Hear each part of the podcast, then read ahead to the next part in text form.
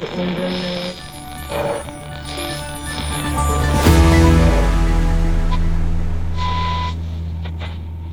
och välkomna till 6 minuter, en nyhetspodd i kortformat från tidningen Arbetaren där vi kort sammanfattar den gångna veckan. Vi vill börja med att säga att när vi spelar in det här avsnittet så är det fortfarande oklart läge i det amerikanska presidentvalet. Måndagens terrordåd vid Kabuls universitet var den andra blodiga attacken mot en skola på kort tid.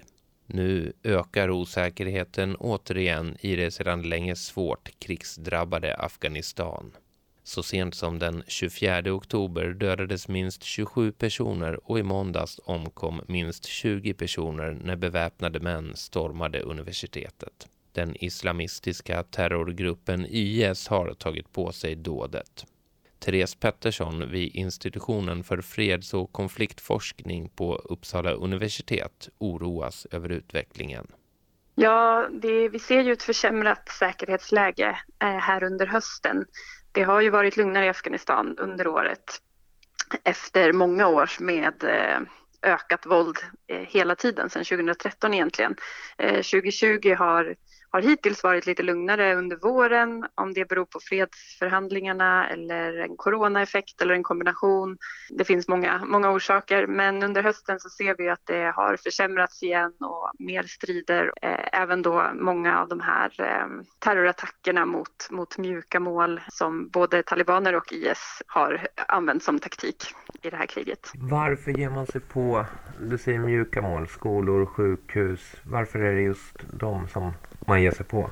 Det finns ju ett stort symbolvärde i att eh, attackera eh, människor där man kanske tycker att man är trygg. Det är också representativt för staten. Det visar att staten inte kan skydda sin civilbefolkning. Så det finns ju ett stort eh, strategiskt Eh, en stor strategisk anledning att attackera den här typen av mål och det skapar ju också väldigt mycket rädsla och eh, eh, uppmärksamhet såklart.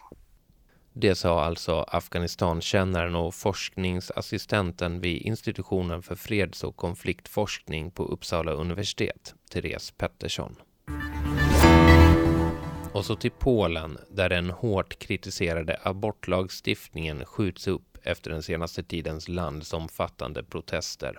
Landets president Andrzej Duda har samtidigt presenterat ett nytt förslag om abortlagstiftning som kritiseras från både demonstranterna och det konservativa hållet. Karola Dvorsnik, som har varit med sedan de ursprungliga demonstrationerna startade 2016, säger att hon kommer att fortsätta demonstrera då de inte vill gå tillbaka till abortkompromissen de haft i 20 år. Vi vill ha lagar som i resten av Europa, säger hon. Polen har idag några av Europas strängaste abortlagar. Nu vidare till Sverige där 5 000 handelsanställda kan gå ut i strejk nästa fredag. Facket menar att arbetsköparorganisationen Svensk Handel inte vill höja de lägsta lönerna i nivå med andra branscher och har därför varslat om strejk att arbetsgivarna vägrar följa märket och ge de handelsanställda samma löneökningar som andra grupper på arbetsmarknaden är rent ut sagt förjäkligt, säger Handels ordförande Linda Palmenshofer i ett uttalande. Svensk Handel kallar strejkvarslet djupt oansvarigt och hänvisar till den pågående coronapandemin. Om inget avtal nås innan fredag nästa vecka så bryter alltså strejken ut. Det är inte alltid lätt att få tag på myndighetspersoner när man behöver. På Lunds kommuns hemsida fanns det 12 olika nummer som funktionsnedsatta kunde ringa för att ansöka om handläggare. Numren var uppdelade på den ansökandes födelsedatum och att veta vilket av numren som var rätt var vid en första anblick nästan omöjligt. Kollade man lite noggrannare så fanns det inte ens nummer för alla. Enligt Mia Algren vid Funktionsrätt Sverige är det en trend i samhället att myndigheter inte utgår från medborgarna. Det är ju inte det enda exemplet tyvärr. Det är väldigt vanligt att vi har många exempel på att offentlig sektor eh, inte längre är lika mycket på medborgarens sida som man har varit tidigare. För att om man, om man hade varit det så hade man ju väldigt snabbt förstått att, att skriva på det här sättet är ju inte att utgå från den som ska vända sig till en, alltså mottagaren. Det säger alltså Mia Ahlgren vid organisationen Funktionsrätt Sverige. Efter att arbetaren pratat med Lunds kommun har de lagt ner sidan. De menar att de aldrig mött på någon som haft svårt att kontakta dem, men att de länge funderat på hur de skulle kunna göra den här sidan tydligare. Så var det dags igen för sista ordet med Annie Hellqvist. Varje dag kämpar människor för bättre villkor på sina jobb. Människor kämpar mot fossilindustrin, för en bättre välfärd, mot förtryck, fattigdom och utsatthet. Men några års mellanrum är det val och då tar alla dessa människor paus från sitt viktiga arbete och går och röstar.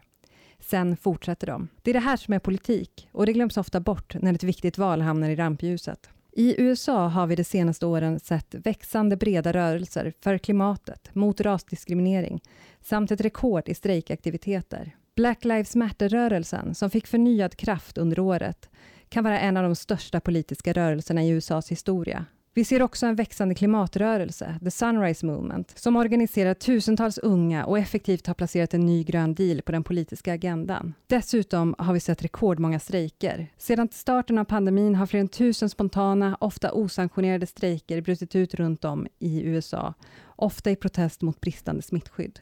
Och detta följer dessutom på en period av kraftigt ökande strejkaktiviteter i landet. Oavsett vem som går vinnande ur årets valrysare måste sociala rörelsers svar vara detsamma som alltid.